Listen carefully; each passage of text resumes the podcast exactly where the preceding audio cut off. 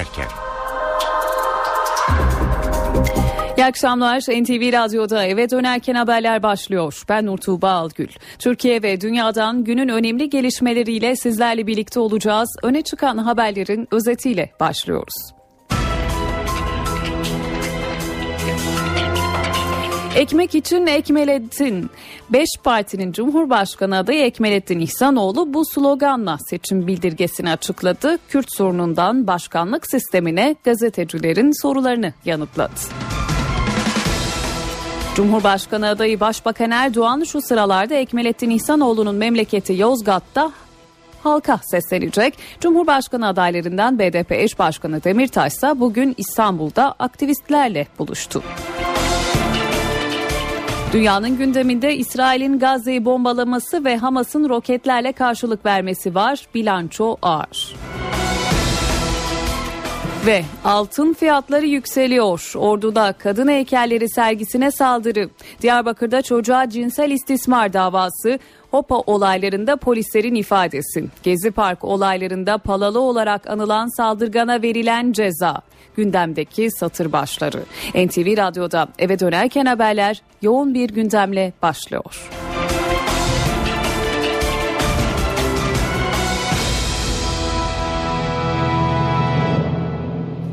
Cumhurbaşkanlığı seçimi öncesi yarış hızlandı. Adaylar plan ve projeleriyle kamuoyunun karşısına çıkmaya başladı. Hedeflerini, planlarını, güncel sorunlar hakkında düşüncelerini anlatan ilk aday ve siyasi partinin ortak adayı Ekmelettin İhsanoğlu oldu.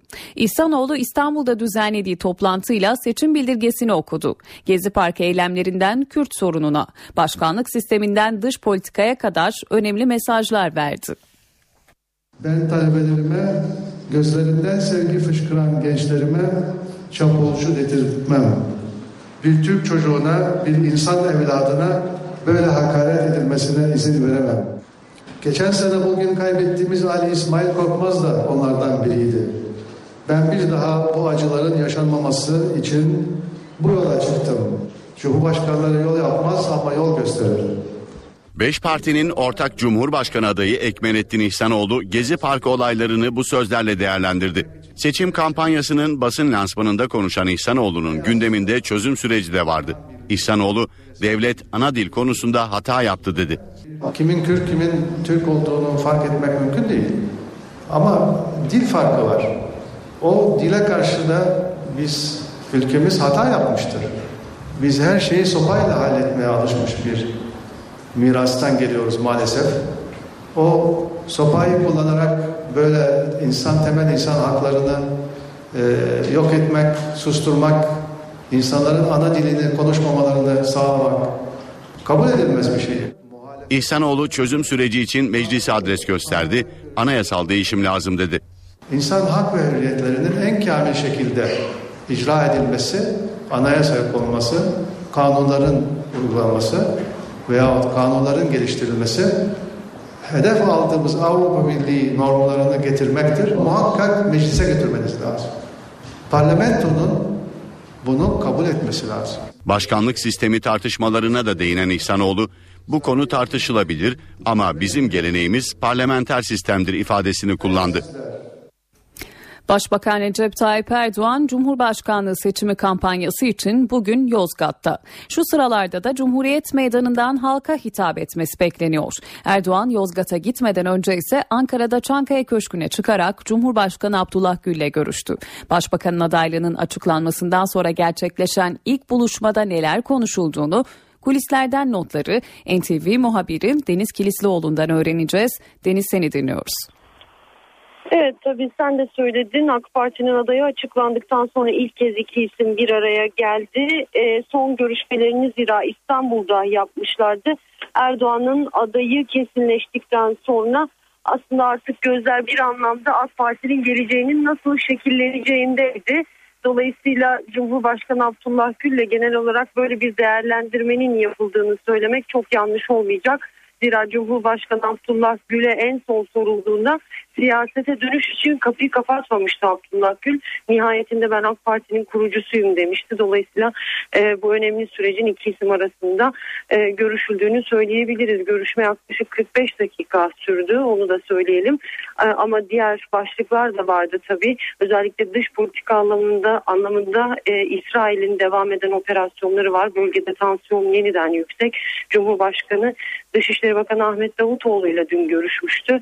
Gazze'ye dönük kara operasyonları sinyalleri gelirken e, bu konunun görüşüldüğünü başbakanla ele alındığını söyleyebiliriz. Ayrıca tabii Irak'ta hala rehin olan konsolosluk çalışanlarını kurtarma çabaları, Irak'ta hükümet kurma arayışları gibi başlıklarda masadaydı. Çözüm sürecini de söylemek, saymak gerekecek herhalde. Çünkü yeni paket biliyorsunuz e, genel kurulda Dolayısıyla sürece ilişkin genel bir değerlendirme yapıldı. İki isim arasında görüşülen başlıklar böyleydi. Cumhurbaşkanı'nın saat 16'da MİT müsteşarıyla buluştuğunu da söyleyelim. Bu görüşmede hala devam ediyor. NTV muhabiri Deniz Kilislioğlu'na teşekkür edelim ve devam edelim. HDP'nin Cumhurbaşkanı adayı Selahattin Demirtaş ise seçim çalışmalarını bugün İstanbul'da sürdürüyor. Aktivistlerle buluşan Demirtaş'a kendi adaylığının kararlaştırılmasından önce CHP'ye yaptıkları Rıza Türmen'i aday gösterme teklifi soruldu. Bunları konuştuk. O dönemde açık açık konuştuk. Rıza Bey arkadaşlarımız e, fikir alma babında bir görüşmeyle gittiler. Kendisinin görüşünü aldılar. Ama Cumhuriyet Halk Partisi MHP ile çatı adayı çıkarmayı tercih etti. Umarım hayırlısı olur. MHP Genel Başkanı Devlet Bahçeli Cumhurbaşkanlığı seçimine dönük partililere bir genelge yayınladı. MHP'nin il ve ilçe yöneticilerine gönderilen 8 maddelik genelgede Bahçeli kucaklaşmak ve buluşmak için Ekmelettin İhsanoğlu Cumhurbaşkanı olmalıdır dedi. Bahçeli genelgeyle parti teşkilatına bazı uyarılarda da bulundu. Cumhurbaşkanı seçim sürecinde gerginlik yaşanabileceğini belirten Bahçeli hiçbir dava arkadaşımız herhangi bir gerginlik ve çatışmanın tarafı olmayacaktır dedi. Bahçeli MHP'liler partilerden seçim çalışmalarını sabır ve nezaket içinde yürütmelerini istedi. Bahçeli genelgede hükümete çözüm süreci eleştirisinde de bulundu. Başbakan Erdoğan siyasi geleceğini terör örgütüne bağladı ifadesini kullandı. Cumhurbaşkanlığı seçimini Avrupa'da yakından takip ediyor. Avrupa Konseyi Türkiye'ye gözlemci heyeti gönderiyor. Avrupa Konseyi Parlamenter Meclisi'nin 30 üyesinden oluşan heyet seçimin demokratik standartlarda gerçekleşip gerçekleşmediğini yerinde izleyecek. Heyette Avrupa Konseyi Parlamenterler Meclisi'nin sosyalist, Hristiyan Demokrat, muhafazakar, liberal ve komünist gruplarından temsilciler yer alıyor. Şimdi eve dönerken haberlere kısa bir ara veriyoruz ardından devam edeceğiz. Eve dönerken devam ediyor. Saat 17.13 eve dönerken haberler devam ediyor. Meclis yine yumruklu bir kavgaya sahne oldu. Plan Bütçe Komisyonu'nda CHP'li Özgür Özel maden işçilerinin durumunu maaşlarının azlığını gündeme getirince tansiyon bir anda yükseldi. AK Partili Feramuz Üstün oturduğu yerden kalktı ve muhalefet sıralarına gidip CHP'li Özel'e yumruk attı. Ayrıntıları NTV muhabiri Miray Aktağ Uluç'tan alacağız. Miray Torba yasanın görüşüldüğü Plan Bütçe Komisyonu'nda Soma'daki maden işçilerine verilecek ücret yumruklu kavgaya neden oldu. Cumhuriyet Halk Partisi'nden Özgür Özel torba yasada yer alan Soma işçilerine iki asgari ücreti öngören maddenin brüt olduğu için 2000 liranın altında kaldığını ancak Başbakan Recep Tayyip Erdoğan'ın Soma ziyareti sırasında işçilere 2000 lira ücret sözü verdiğini savundu.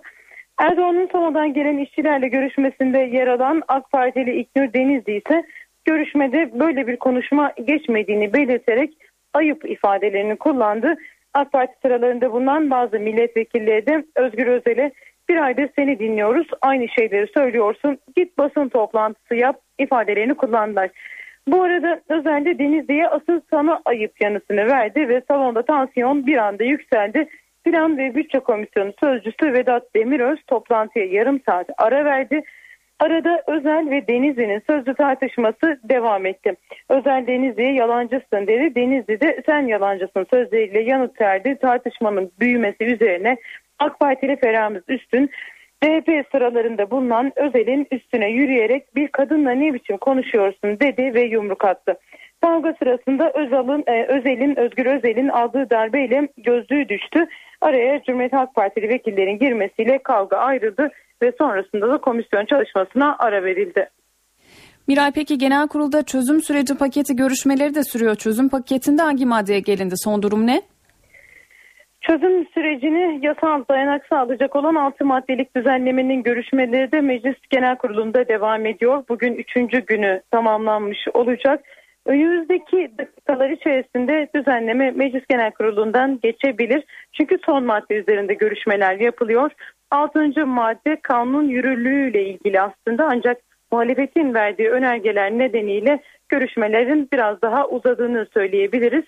Düzenlemenin görüşmelerinde bugün 5 ve 6. maddeleri ele alındı. En çok dikkat çeken bu düzenlemedeki maddeler arasında 4. maddeydi tartışma yaratıyordu. Çünkü muhalefet düzenlemede hükümete çözüm sürecine katılan aktörlerle ilgili ne gibi yetkiler verildiğini bilmediğini söylüyordu ve bu yetkilerin daha net ifadelerle açıklanması gerektiğini belirtiyordu. Muhalefetin bu eleştirilerini dikkate aldı İktidar Partisi ve bunun üzerine dördüncü maddeye bir önerge eklendi. Böylece çözüm sürecinde rol alacak kişilerin hangi faaliyetlerde bulundukları zaman cezai sorumsuzluk sahip olacakları net bir şekilde ifade edilmiş oldu. E, bu değişikliğe karşın halen daha muhalefetin itirazlarının sürdüğünü söyleyebiliriz. Geçtiğimiz dakikalarda söz alan muhalefet sözcülerinin e, düzenleme ile ilgili eleştirileri devam etti.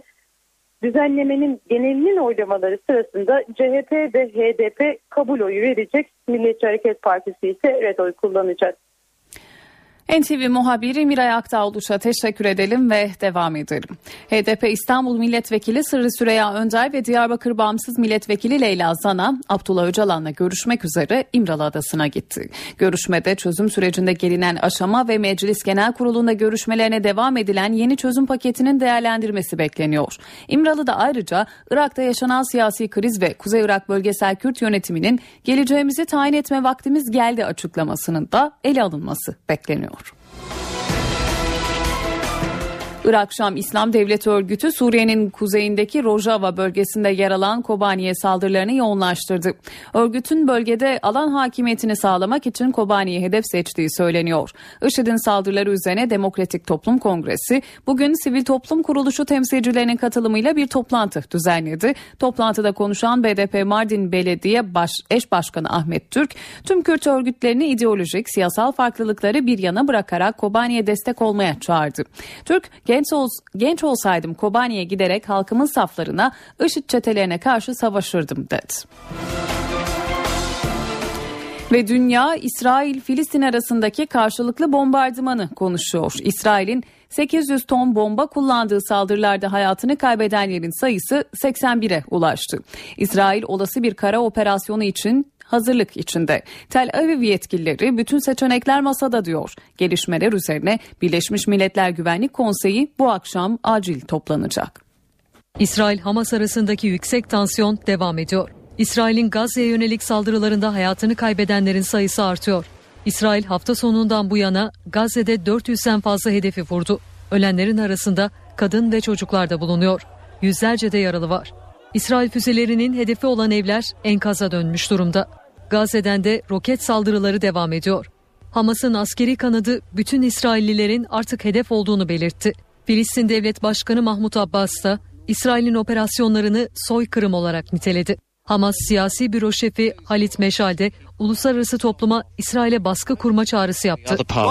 Filistin halkının da direniş ve nefsi müdafaa hakkı vardır. Ateşkesten söz edenlere Benjamin Netanyahu'ya izlediği siyaseti değiştirmesi ve Filistin'deki katliamlarına son vermesi için baskı yapın diyorum. Birleşmiş Milletler de bugün Orta Doğu'daki krize ilişkin acil olarak toplanma kararı aldı. Birleşmiş Milletler Genel Sekreteri Ban Ki-moon, Filistin ve İsrail liderleriyle görüştü. İsrail Başbakanı Benjamin Netanyahu, Hamas'ın İsrail'e attığı roketler için ağır bir bedel ödeyeceğini söyledi. İsrail olası bir kara operasyonu için Gazze sınırına asker yığmış durumda. Bölgede çatışmalarsa sürüyor. Batı Şeria'nın Hebron kasabasında Filistinli gençler ve İsrail askerleri çatıştı.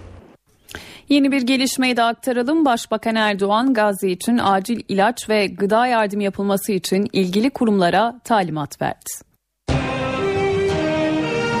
NTV Radyo Sirkeci'de feribottan denize düşen otomobilde 5 yaşındaki Ece Su ile anneannesinin öldüğü davada sürpriz gelişme.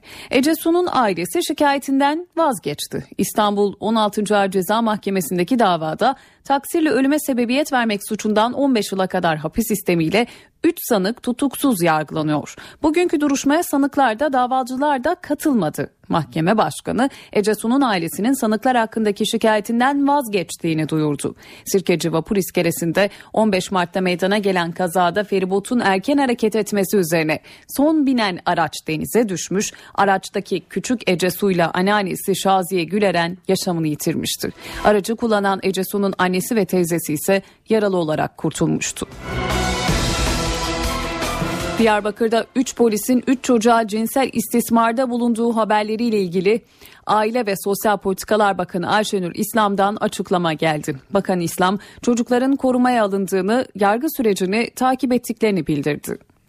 Diyarbakır'da 3 polisin 3 çocuğa cinsel istismarda bulunduğu iddiası Aile ve Sosyal Politikalar Bakanlığı'nın yakın takibinde. Bakan Ayşenur İslam yargı sürecini takip ettiklerini söyledi. Adli süreçlerle ilgili yeni bilgiler, bulgular, belgeler mi ortaya çıkıyor? Eğer böyle bir durum varsa biz adli sürecin yeniden e, başlamasını arzu ederiz ve adli süreç yeniden başlarsa bu konuda da müdahil oluruz. İslam çocukların koruma altına alındığını bildirdi. Çocukları eğitimleri açısından, sosyal gelişimleri açısından koruma altına aldı. Çocuklar ailelerinin yanında. Bu yeni bir hadise değil koruma meselesi. Bugün basında sanki böyle yeni koruma altına alınmışlar gibi bir algı vardı. 3 çocuğa 3 polis tarafından cinsel istismarda bulunulduğu iddiası Diyarbakır Valiliği ve Emniyet Müdürlüğü tarafından yalanlanmıştı.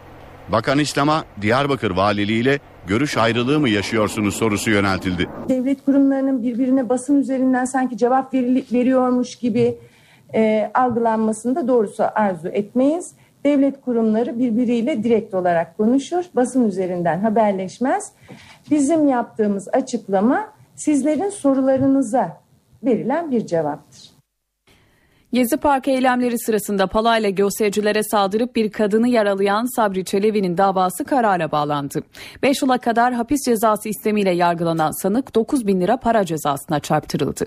İstanbul 27. Sulh Ceza Mahkemesi'nde görülen duruşmaya tutuksuz sanık Sabri Çelebi katılmadı. İstanbul Cumhuriyet Başsavcılığınca hazırlanan iddianamede Çelebi'nin kasten yaralama suçundan 2 yıldan 5 yıla kadar hapisle cezalandırılması talep ediliyordu. Mahkeme 9 bin lira para cezası verdi verdi. Sanığın bu suçu tekrar işleyebileceği kanaatini de ekleyerek cezayı ertelemedi. Hopa olaylarında öğretmen Metin Lokumcu'nun biber gazından etkilenerek hayatını kaybetmesiyle ilgili soruşturmada o gün görevli 20 polisin ifadesi alındı. Radikal'in haberine göre emniyet amiri Hopalı eylemcilerin ağzı kapalı soda şişesini çalkalayıp polislerin üzerine doğru attığını, şişenin çevreye zarar verecek şekilde patladığını ve bu sırada biber gazı sıkılmış olabileceğini söyledi.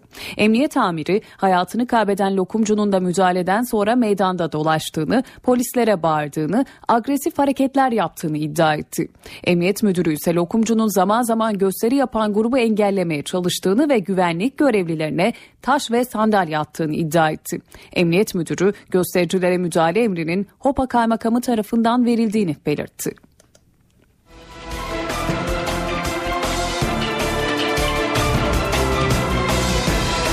Ok Meydanı Cemevi bahçesinde başından vurularak hayatını kaybeden Uğur Kurt'un ölümüne ilişkin şüpheli polisin müfettişlere verdiği ifade ortaya çıktı.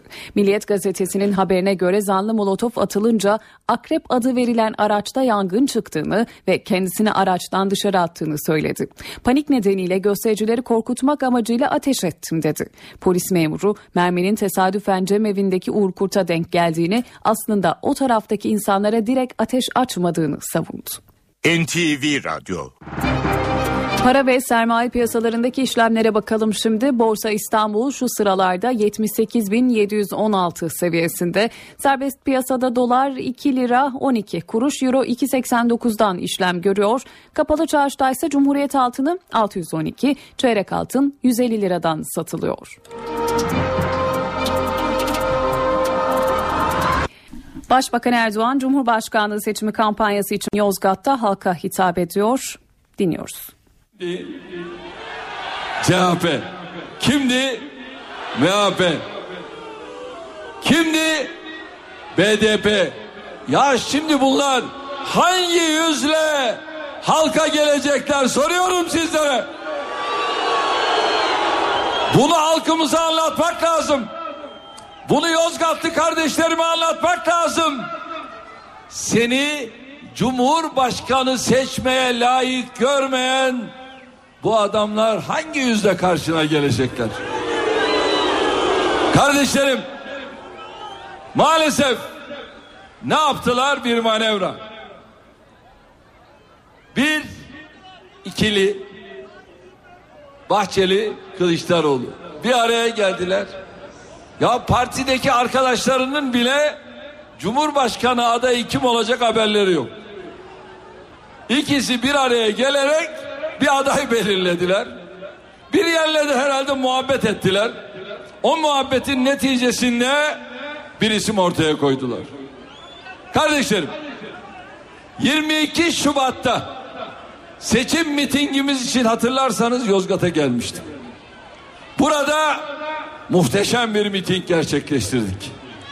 30 Mart'ta Yozgat'ta bir ilk yaşandı. Boğazlayan ilçesinde ilk kez AK Parti'nin adayı seçimleri kazandı. Seçimin hemen arkasından Boğazlayan'a geldim. Teşekkür için geldim. Ve Boğazlayan'da da muhteşem bir miting yaptık. Şimdi bir kez daha Yozgat'tayız. Bu benim 12. gelişim. Çünkü sadece AK Parti ile gelmedim. AK Parti öncesi siyasi yaşamımda da benim Yozgat'ta hatıralarım var. Şimdi 10 Ağustos'ta seçim yapılacak.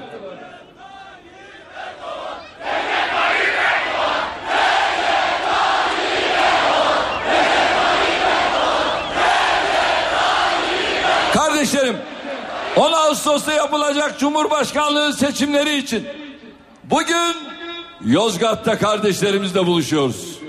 Sizlerle kucaklaşıyoruz. Bugün burada Yozgat'ta 10 Ağustos'ta sandıkların neticesini işte bu meydanda görüyoruz. Ramazan ayındayız. Biliyorum. Oruçlusunuz.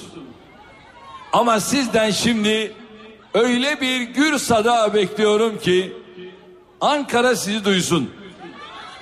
Sizden öyle bir gür sada bekliyorum ki İstanbul, Edirne, Van sizi duysun. Türkiye sizi duysun.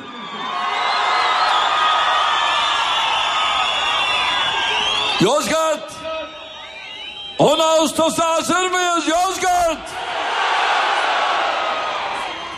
Cumhurun başkanını seçiyor muyuz Yozgat? Yeni Türkiye'yi inşa ediyor muyuz Yozgat? Oy pusulasında milletin adayını tercih ediyor muyuz Yozgat? Kimi seçiyoruz? Kimi seçiyoruz? Maşallah. Yozgat'ta bu iş bitmiştir. Yozgat kararını vermiş. Yozgat Cumhurbaşkanı'nı şimdiden belirlemiş. Hayırlı mübarek olsun inşallah. Rabbim 10 Ağustos seçimlerini ülkemiz için, milletimiz için, vatanımız, devletimiz, bayrağımız için hayırlara tahvil etsin. Kardeşlerim, bakın pazar günü Erzurum'daydık. Erzurum'da muhteşem bir miting gerçekleştirdik. Erzurum tarih boyunca çok büyük kahramanlar, çok büyük yiğitler, çok muhterem ilim insanları, gönül insanları yetiştirdi. Aynı şey Yozgat için de geçerli. Yozgat'ta tarih boyunca çok büyük kahramanlar yetiştirdi. Yozgat tarihi boyunca hep şehitler diyarı oldu. Yozgat Agah Efendi gibi Çapanoğlu Camii'nin banisi Mustafa Bey gibi, Ahmet Efendi gibi büyük devlet adamlarını, büyük gönül insanlarını yetiştirdi. Erzurum'da buradan dışarıya giden bir zat vardı. Yozgat'ta dışarıdan buraya getirilen bir zat var. Aslında aynı oyun, aynı tezgah. Yozgat oynanan oyunun farkında. Çünkü Yozgat CHP zulmünü bilir. Yozgat tek parti döneminde burada ne büyük zulümler yaşandığını bilir. Yozgat camilerin nasıl kapatıldığını, Kur'an öğrenmenin, öğretmenin nasıl yasaklandığını, milletin nasıl tahkir edildiğini çok iyi bilir. Büyük camide imamların, müezzinlerin nasıl derdest edildiğini gayet iyi hatırlar. Gayet iyi bilir. Ben inanıyorum ki Yozgat gidip CHP ile işbirliği yapanlara dersini sandıkta verecektir. Ben inanıyorum ki Yozgat yaşanan onca zulümden sonra gidip CHP'nin oyuncağı olanlara cevabını çok iyi verir. Yozgat'tan Kılıçdaroğlu'na çıkar mı? Yozgat'tan CHP'nin oyuncağı olan Bahçeli'ye oy çıkar mı? Yozgat'tan Pensilvanya'ya oy çıkar mı? İşte bu. Hiç kimse Yozgat'ı Yozgatlı'yı kandırmasın. Burası Yiğit'in armağan olduğu yerdir. Burası Bozok Ovası'dır. Billboardlara Bozok Yaylası'nın yiğidi demekle yiğit olunmuyor. Sormak lazım. Sen Bozok Yaylası'na kaç kere geldin ya? Öyle mi? Sormak lazım. Kaç kere geldin? Acaba Bozok Yaylası'nın yolunu biliyor musun diye sormak lazım. Burası CHP'nin İsmet İnönü'nün zulmünü ilikleri ne kadar yaşamış bir şehirdir. İşte onun için Yozgat'tan Pensilvanya partilerine inanıyorum ki inşallah oy çıkmayacaktır. Kardeşlerim şimdi bu CHP Genel Müdürü haftalar öncesinden çıktı. Cumhurbaşkanı adayının kimler olamayacağını sıralamaya başladı. Ne dedi? Yalan söyleyenden Cumhurbaşkanı adayı olmaz dedi. Zaten yalan söylediğin için başbakan dahi olamıyorsun. Geldiğinden beri oyların hep düşüyor. Ahlaki değerleri yüksek olmayan kişiden Cumhurbaşkanı adayı olmaz dedi. Dünyada saygınlığı olmayan birisi Cumhurbaşkanı adayı olamaz dedi. Geçmişi şaibeli olan Cumhurbaşkanı adayı olamaz dedi. Daha birçok şey saydı. Sonra da dediklerinin arkasında durdu. Gerçekten de Cumhurbaşkanı adayı olmadı. Doğru söylüyor.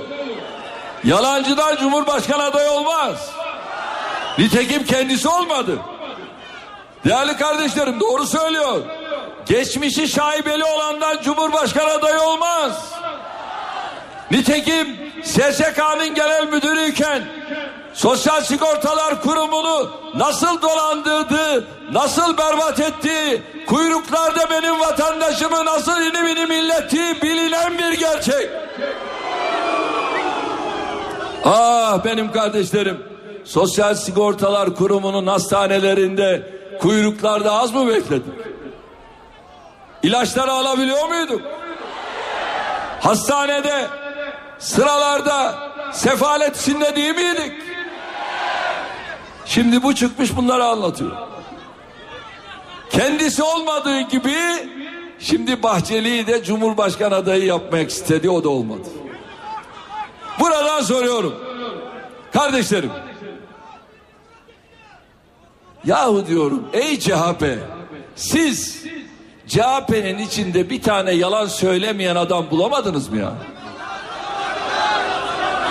Ey Bahçeli Sizin içinizde bir tane yalan söylemeyen adam yok muydu ya? Niye onlardan bir tanesini aday yapmadınız? CHP içinde geçmişi şaibeli olmayan bir tek aday bulamadınız mı? Dünyada saygınlığı olan bir tek kişi bulamadınız mı? Az önce Bekir kardeşim söyledi. Ne diyor bunların adayı? Ben CHP'nin adayı değilim diyor. Doğru diyor. Çünkü babasını CHP iktidarları bu ülkeden sürdü Mısır'a. Sürdüğü içindir ki orada kendisi de doğdu. Dışarıdan aday ithal ettiler.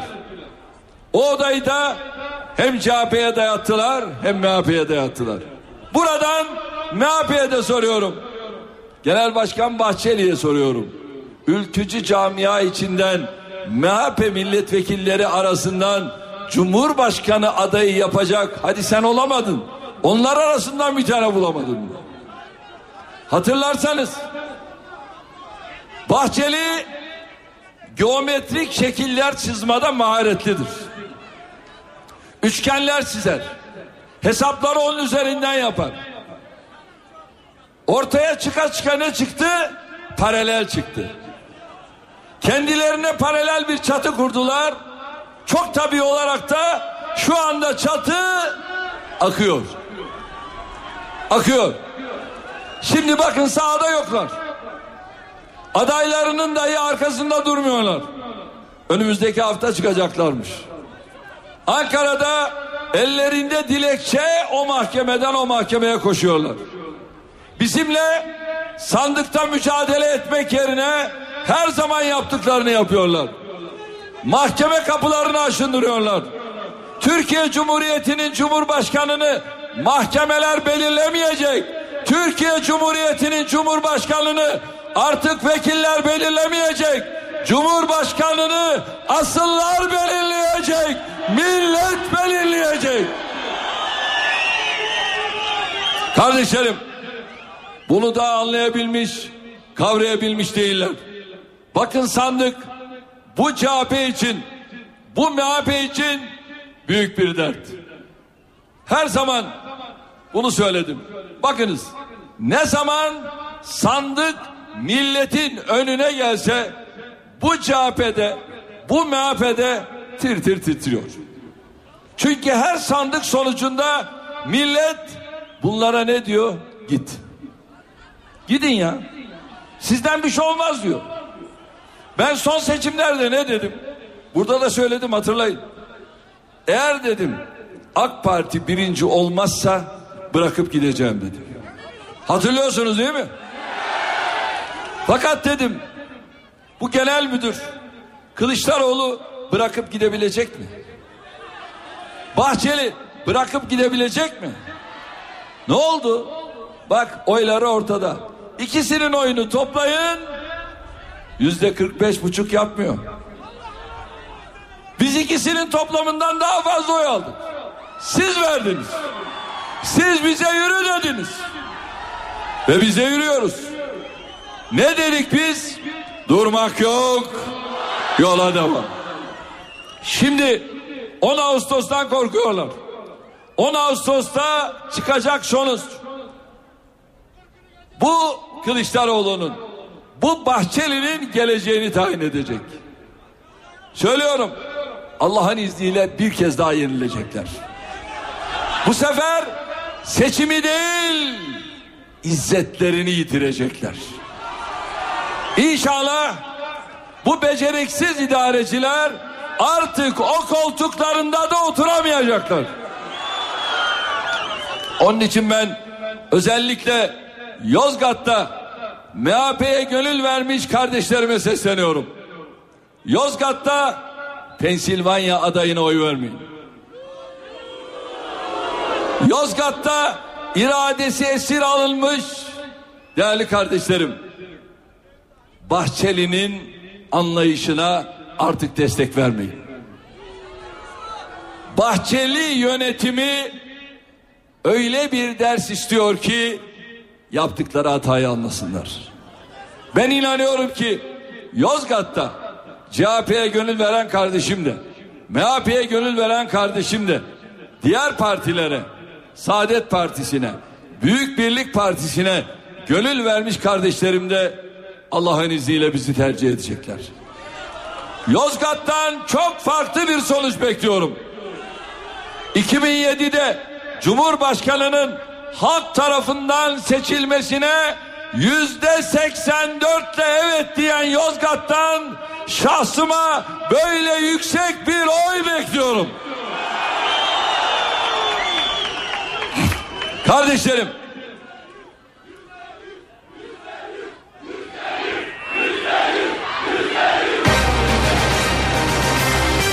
Kardeşlerim anayasa diyor ki Cumhurbaşkanı tarafsız olacak. Ama Cumhurbaşkanı kime karşı tarafsız olacak? Millete karşı. Millete karşı tarafsız olacak. 77 milyon arasında ayrım yapmayacak. Siyasi görüşler, ideolojiler, etnik kökenler, mezhepler arasında ayrım yapmayacak. Devletin kurumları arasında ayrım yapmayacak. Ama mesele milletin çıkarlarıysa, mesele bayraksa, vatansa, mesele istiklalimizse Cumhurbaşkanı taraf olacak. Ülkesinin, milletinin, bayrağının tarafında olacak. Bugüne kadar birkaç istisna dışında hiçbir cumhurbaşkanı tarafsız olmadı. Soruyorum. İsmet İnönü tarafsız mıydı? Cemal Gürsel tarafsız mıydı? Cevdet Sunay, Fahri Korutürk, Kenan Evren, Süleyman Demirel, Ahmet Necdet Sezer tarafsız mıydı? Bunlar siyaset üstü müydü? Hepsinin de tarafı vardı. Hepsinin de siyaseti vardı. Hatırlayın başörtü meselesinde millet özgürlükten yana oldu, devlet yasaktan yana oldu. Millet milli ve manevi değerlerine özgürlük istedi, saygı istedi, devlet her zaman baskıyla geldi. Yasakla geldi, zulümle geldi. Vatandaş görüşlerine, inançlarına, kültürüne, diline değerli kardeşlerim özgürlük istedi. Devlet her zaman inkar etti, reddetti, asimile etmeye çalıştı. Tarafsız göründüler, hep statükonun vesayetin yanında yer aldılar. Kardeşlerim, bakınız, şurada biz iktidara gelene kadar başörtülü yavrularımız okulların kapısından kovuldular mı? Döndürüldüler mi? Üniversitelere alındılar mı? Kardeşlerim bize geldiler. Ben iki kız yavrumu bu ülkede okutamadım. İmam Hatip mezunuydular. Kat sayı engeli de vardı. İki erkek evladım kat sayı engeli de vardı. Dördü de İmam Hatip'te okudular ama maalesef bu ülkede garip kaldılar. Ve mecburen yurt dışına gönderdim. Ve yurt dışında kızlarım benim Amerika'da başörtülü olarak okuyabildi. Ama Türkiye'de okuyamadı. Çünkü onlar öz yurdunda garipti, öz vatanında paryaydı. Şimdi var mı böyle bir sorun? Başörtülü gidiyor muyuz? Başı açık kardeşlerimizle el ele veriyor musunuz? Bir sorun var mı? Ülke parçalandı mı? Ülke battı mı? Ülke bitti mi? Neydi bunların istekleri? Bu işin altında CHP yok muydu? Değerli kardeşlerim, işte biz dik durduk. Sabırla geleceğe yürüdük ve hamdolsun bu problemleri çözdük. Şimdi devlet dairelerinde de başörtülü olarak başörtülü olarak çalışıyor mu? Bak nereden nereye geldik. Sabreden derviş muradını ermiş. Siz sabrettiniz işte buraya geldik. Sabırlı olun. Kardeşlerim bütün bunlarla beraber tabii bir şey daha var. Şimdi artık bir devir kapandı. Milletle devlet kucaklaşıyor. Devletin başına artık milletin seçeceği bir cumhurbaşkanı geliyor. Bugün bir cumhurbaşkanı adayı malum CHP MHP'nin ortak adayı diyor ki ben icranın başı değilim diyor. Anayasayı da okumamış. Anayasayı da okumamış.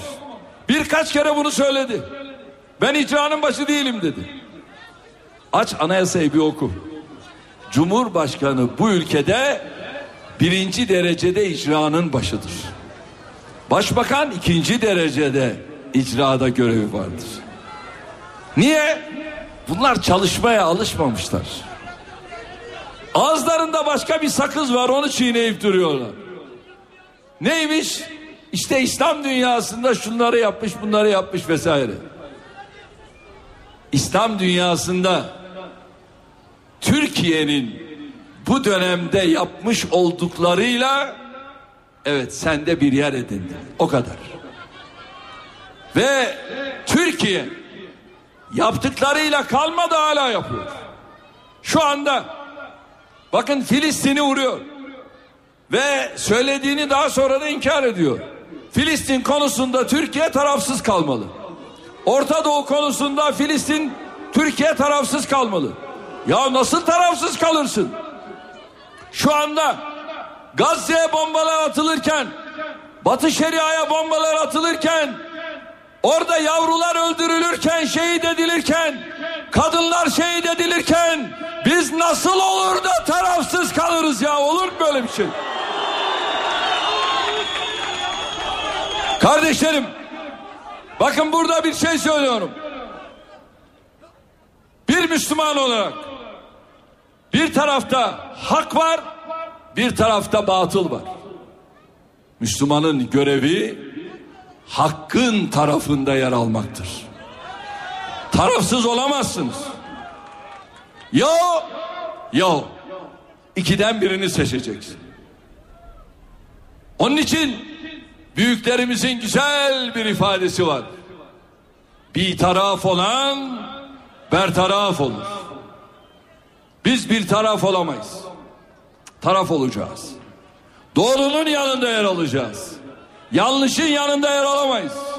Onun için bir tarafta millet var, bir tarafta devlet var. Biz milletin yanındayız. Milletin yanındayız. Onun için insanı yücelt ki devlet yücelsin diyor Şeyh Edebali. Kardeşlerim insanı ihmal eden böyle bir devlet yaşayamaz. Milletini kendisine asım gören devlet yücelemez.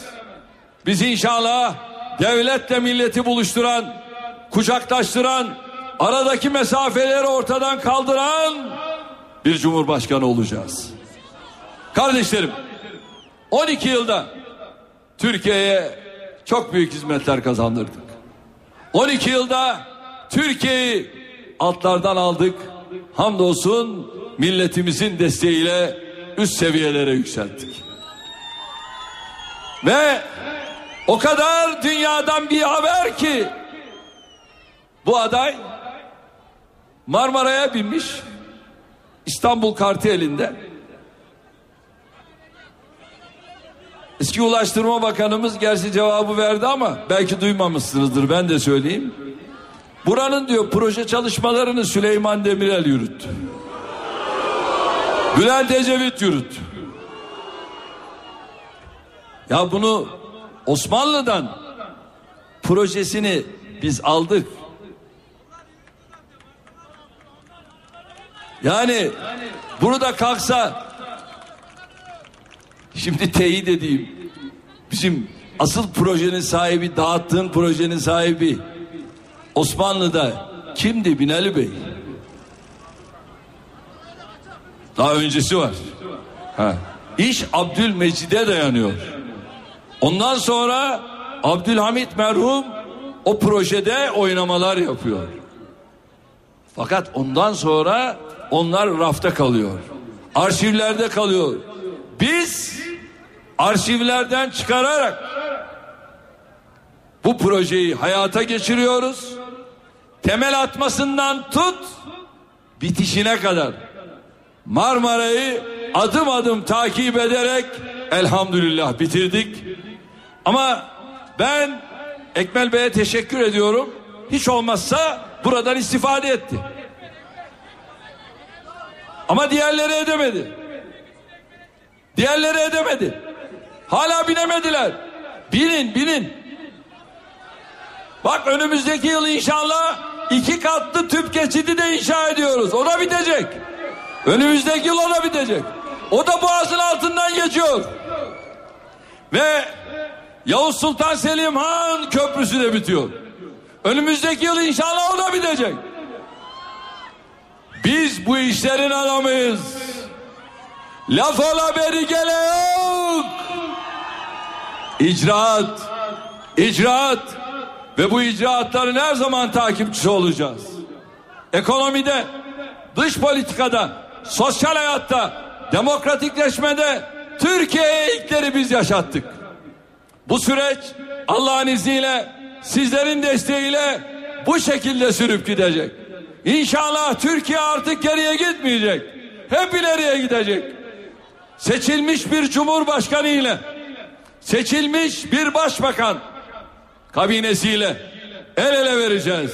Daha ileri seviyelere inşallah Türkiye'mizi taşıyacağız. Hiçbir yatırım, hiçbir iş yarım kalmayacak.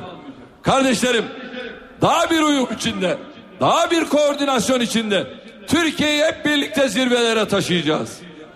Kardeşlerim, bakınız AK Parti olarak son 12 yılda hem Türkiye'ye hem Yozgat'a çok büyük eserler kazandırdık. Yozgat'a ne kadar yatırım yaptık biliyor musunuz? 6,6 katrilyon. Ulaştırma ve haberleşmede bir buçuk katrilyon. Gıda, tarım ve hayvancılıkta bir katrilyon 150 trilyon. Orman ve su işlerinde 550 trilyon. Eğitimde 441 trilyon. Toplu konutta 641 trilyon. Enerjide 189 trilyon. Sağlıkta 140 trilyon. Değerli kardeşlerim yaptığımız yatırımlar. Toplamı 6,6 katrilyon. Burada şu hususun altını özellikle çiziyorum. Yozgat'ta hiçbir yatırım yarım kalmayacak. Ne söz verdiysek hepsinin takipçisi olacağız. Bölünmüş yolların şu anda biliyorsunuz şehir hastanesi başladı. Devam ediyor. Hızlı trenin bizzat takipçisi olacağım. Bu yatırımları daha da hızlandıracağız. 22 Şubat'ta buraya geldiğimde Yozgat'a bir havalimanı sözü vermiştik. Havalimanının yeri belirlendi. Proje hazır. İnşallah en kısa sürede diğer altyapı işlerini tamamlayıp inşasına başlayacağız. Biz göreve geldiğimizde Yozgat'ın sahip olduğu bölünmüş yol uzunluğu neydi biliyor musunuz? Ah hanım kardeşlerim 44 kilometre ya. 44 kilometre 79 senede buraya bölünmüş yol yapmışlar. Peki biz ne yaptık? 311 kilometre yaptık. 44 kilometre 79 senede. Kardeşlerim biz 12 senede neredeyse ona katladık. Böylece Yozgat'ın toplam bölünmüş yolu 355 kilometreye çıktı. Bölünmüş yolların kalitesiyle bütün ilgili sorunlar inşallah bunları da süratle gideriyoruz. Kardeşlerim Ankara Yozgat arasını bir saate Yozgat İstanbul arasını ise dört saate düşürecek olan Yozgat yüksek hızlı tren projemiz son süratte devam ediyor. İnşallah 2017 yılında tamamlayacağız. Ankara Sivas yüksek hızlı tren projesi tam beş buçuk katrilyon liralık bir yatırım. Yozgat'ı Kayseri ile hızlı trenle bağlıyoruz. Yatırım programını aldık. İnşallah önümüzdeki dönemlerde buranın da yapımına başlıyoruz. Hızlı trenle ilgili dedikodulara kulak asmayın. Biz başladığımız işi bitiririz. Hızlı treni de Yozgat'a ulaştıracak. İnşallah Cumhurbaşkanı olmamız halinde gelip açılışını da yapacağız. Kardeşlerim, şehir hastanemizin maliyetini biliyor musunuz? 270 trilyon. Kamu özel ortaklığıyla 475 yataklı şehir hastanemizin temelini attık. İnşa aşamasında bir takım sıkıntılar olsa da süratle çalışmalar başladı. İnşallah Yozgat'ı şehir hastanesine kavuşturuyoruz. Bundan sonra git gel Ankara olmayacak. Bütün işi inşallah Yozgat Şehir Hastanesi'nde bitireceğiz. Hiç endişeniz olmasın kardeşlerim. Diğer projeler gibi şehir hastanesinin de bizzat takipçi olacağız. Yozgat'a 1700 dönüm olan üzerinde kurulu bir spor ve yaşam vadisi yapıyoruz. Biliyorsunuz değil mi? 50 trilyona mal olacak bu projeyle Yozgat'ın çehresi değişecek. İçinde birçok branşta spor tesisi, gölet, seyirlik ulaşım araçları, macera parkı gibi her türlü sosyokültürel ihtiyaca cevap verecek bir alan meydana geliyor. Yapımı devam eden inşallah bir proje bu. En kısa sürede tamamlayıp bunu da sizlerle buluşturacağız. Kadınlar termal ve spor kompleksi projemizin de müjdesini buradan veriyorum. Bu tesisten sadece hanım kardeşlerimiz faydalanabilecek. Onlara ait. Her türlü konforu düşünüldü. Bu kompleksin projesi bitti. Bu ay içinde ihalesini yapıyoruz. Değerli kardeşlerim, son 12 yılda Yozgat'ı tarihinde görmediği yatırımlarla buluşturduk. Eğitimde biliyorsunuz 1427 derslik yaptık. Okullarımıza 10.033 adet bilgisayar gönderdik. 499 adet okula internet bağlantısı yaptık. Kardeşlerim 419 adet bilişim ve teknoloji sınıfı kurduk. Ve bütün bunlarla beraber Yozgat'ımıza 1500 öğrencili inşallah bir İmam Hatip Lisesi kazandırıyoruz. Temeli atıldı. İnşallah en kısa zamanda çok farklı bir projeyi göreceksiniz. Muhteşem bir eser olacak inşallah. 2014-15 eğitim öğretim yılına yetişmez. Ama 2015-2016 eğitim öğretim yılına inşallah yetişecek. Yozgat Bozok Üniversitesi'ni biz kurduk biz. Şu anda 10 bin öğrenci okuyor. Neredeydi bizden öğren evvelkiler ya? Niye onlar Yozgat'a bir üniversiteyi layık görmediler? Kardeşlerim 12 yıl boyunca yaptığımız eserlerin tamamını tek tek anlatmaya hakikaten zamanda yetmez. Fakat şu mübarek Ramazan inşallah bereketlerle dolu. Diyorlar ki Cumhurbaşkanı'nın yolla, elektrikle, suyla, şehirlerin, ilçelerin sorunlarıyla ne ilgisi var?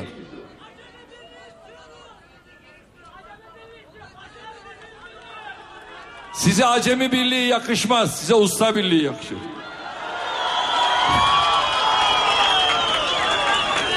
Ustalara usta yakışın. Böyle bakacaksınız bu işe. Kardeşlerim, Cumhurbaşkanı temsil makamıdır. Öyle mi? Olmaz böyle şey. Temsilini de yapacaksın, icraatını da yapacaksın. Biz bu millete efendi olmaya gelmedik. Biz bu millete hizmetkar olmaya geldik. Kardeşlerim, deyim yerindeyse halktan kaçan, halkıyla bütünleşemeyen bir cumhurbaşkanı olamayız. Bizim anlayışımızda böyle bir cumhurbaşkanlığı anlayışı yok. Biliyorum ki milletimin gönlünde de böyle bir cumhurbaşkanlığı yatmıyor.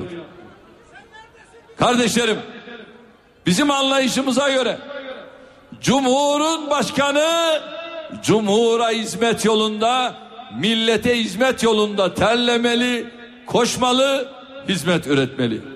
Makamlar fark etmez. Bizim işimiz hizmet.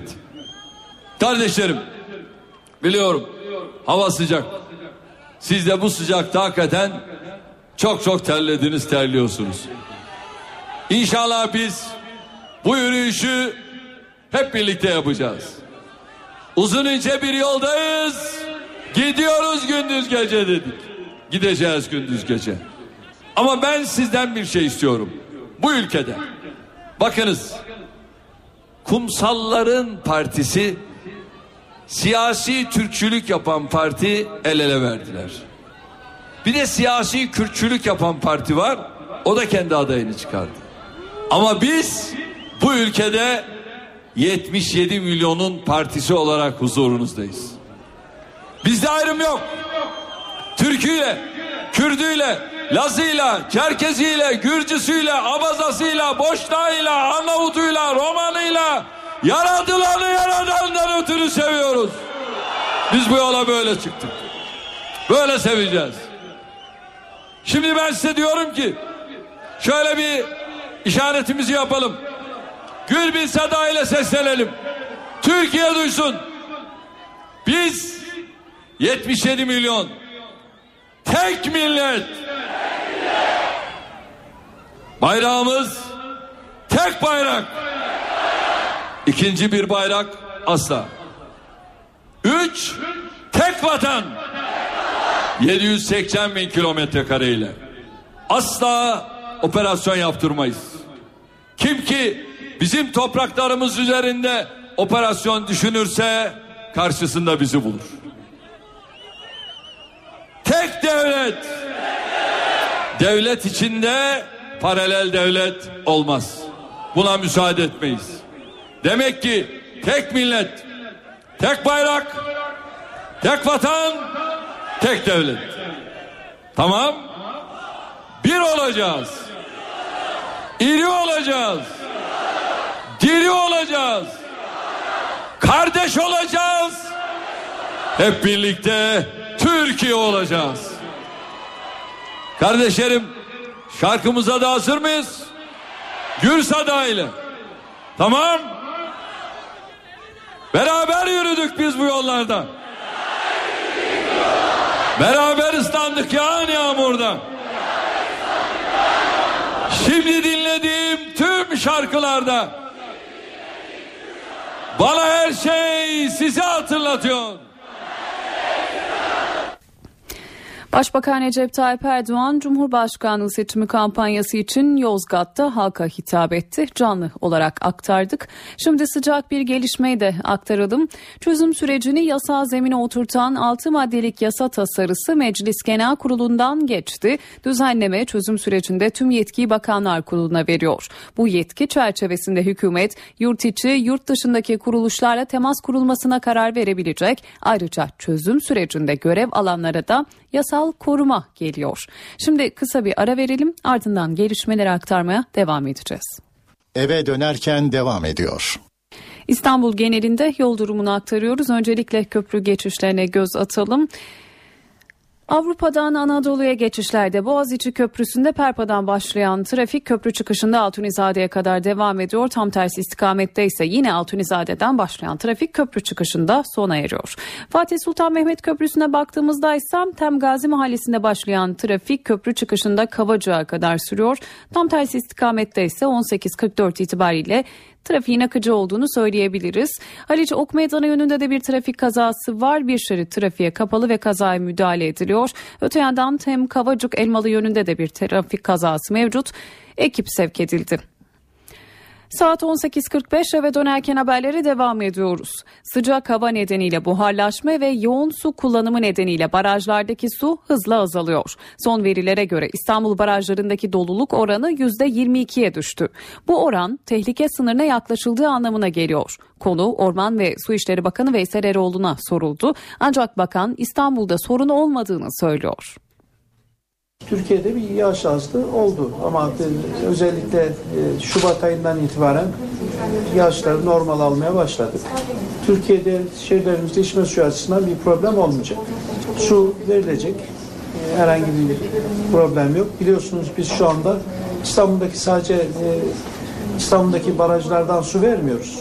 Islıhanca'daki 7 tane barajdan su akıyor İstanbul'a. Bir nehir akıyor.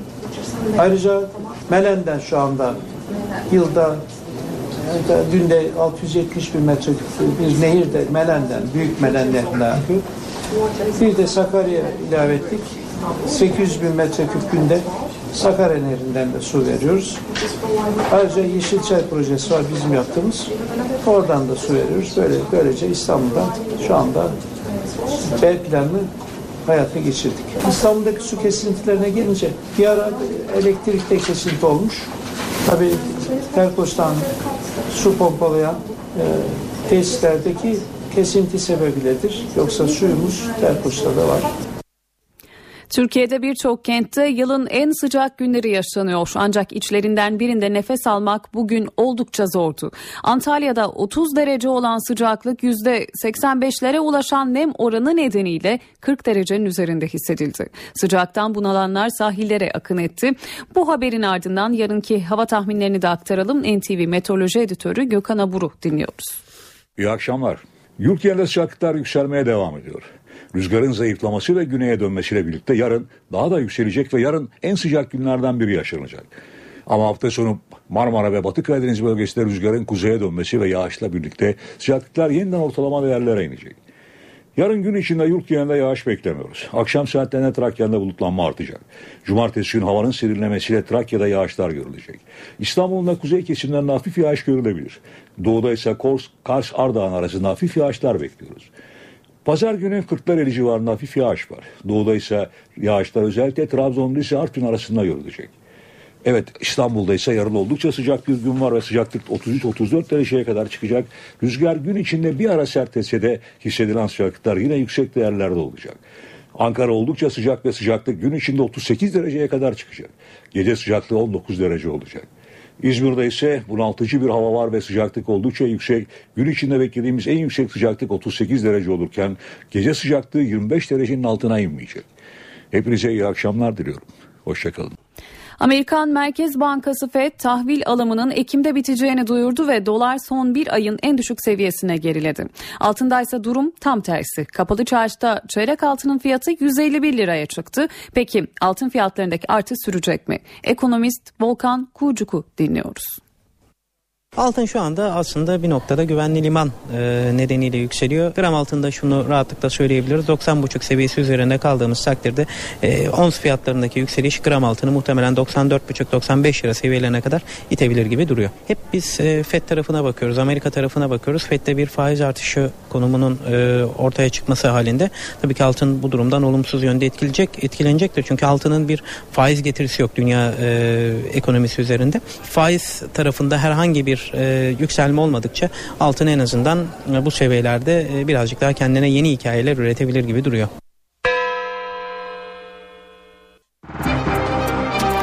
Para ve sermaye piyasalarındaki işlemlere bakalım şimdi. Borsa İstanbul günü 78.552 puandan tamamladı. Serbest piyasada dolar 2 lira 12 kuruş, euro 2.89'dan işlem gördü.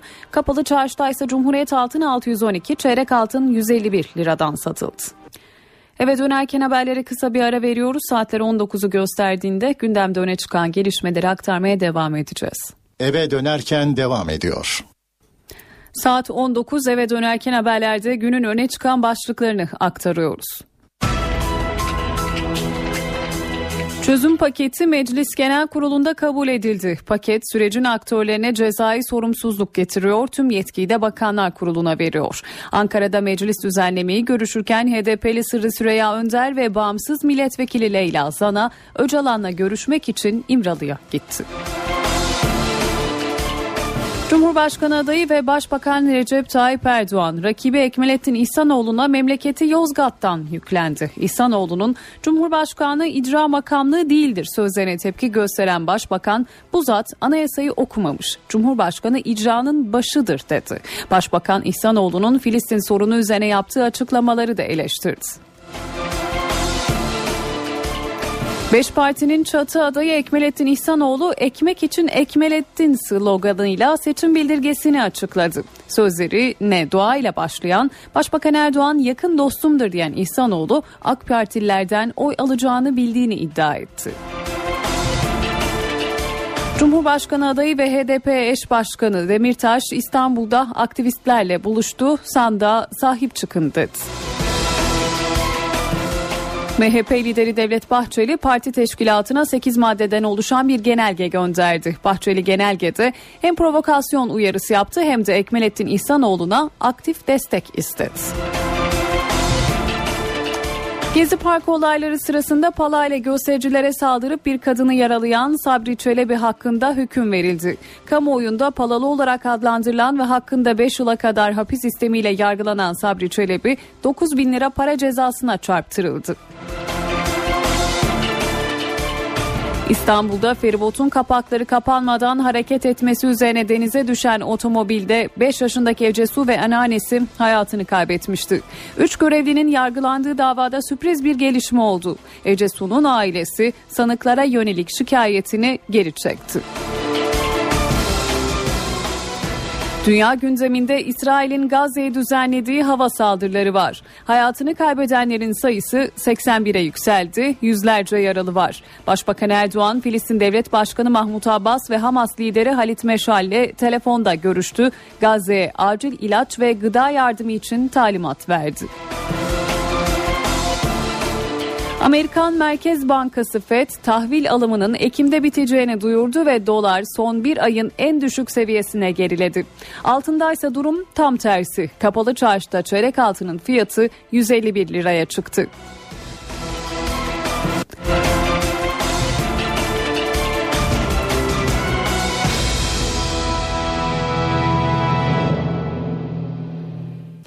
İstanbul genelinde yol durumunu aktarıyoruz. Öncelikle köprü geçişlerine göz atalım. Boğaziçi Köprüsü'nde Avrupa'dan Anadolu'ya geçişlerde Mecidiyeköy'den başlayan trafik köprü çıkışına kadar devam ediyor. Tam tersi istikamette ise trafiğin akıcı olduğunu söyleyebilmemiz mümkün. Fatih Sultan Mehmet Köprüsü'ne baktığımızda ise Gazi Osman Paşa Tır Parkı'ndan başlayan trafik köprü çıkışına kadar sürüyor. Tam tersi istikamette ise Tam Elmalı'dan köprü girişine kadar trafiğin olduğunu söylememiz mümkün. Eve dönerken haberleri noktalıyoruz. NTV Radyo'da kısa bir aranın ardından Çift Forvet programı başlayacak. İyi akşamlar.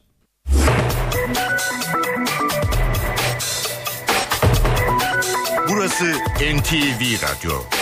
Saat 20.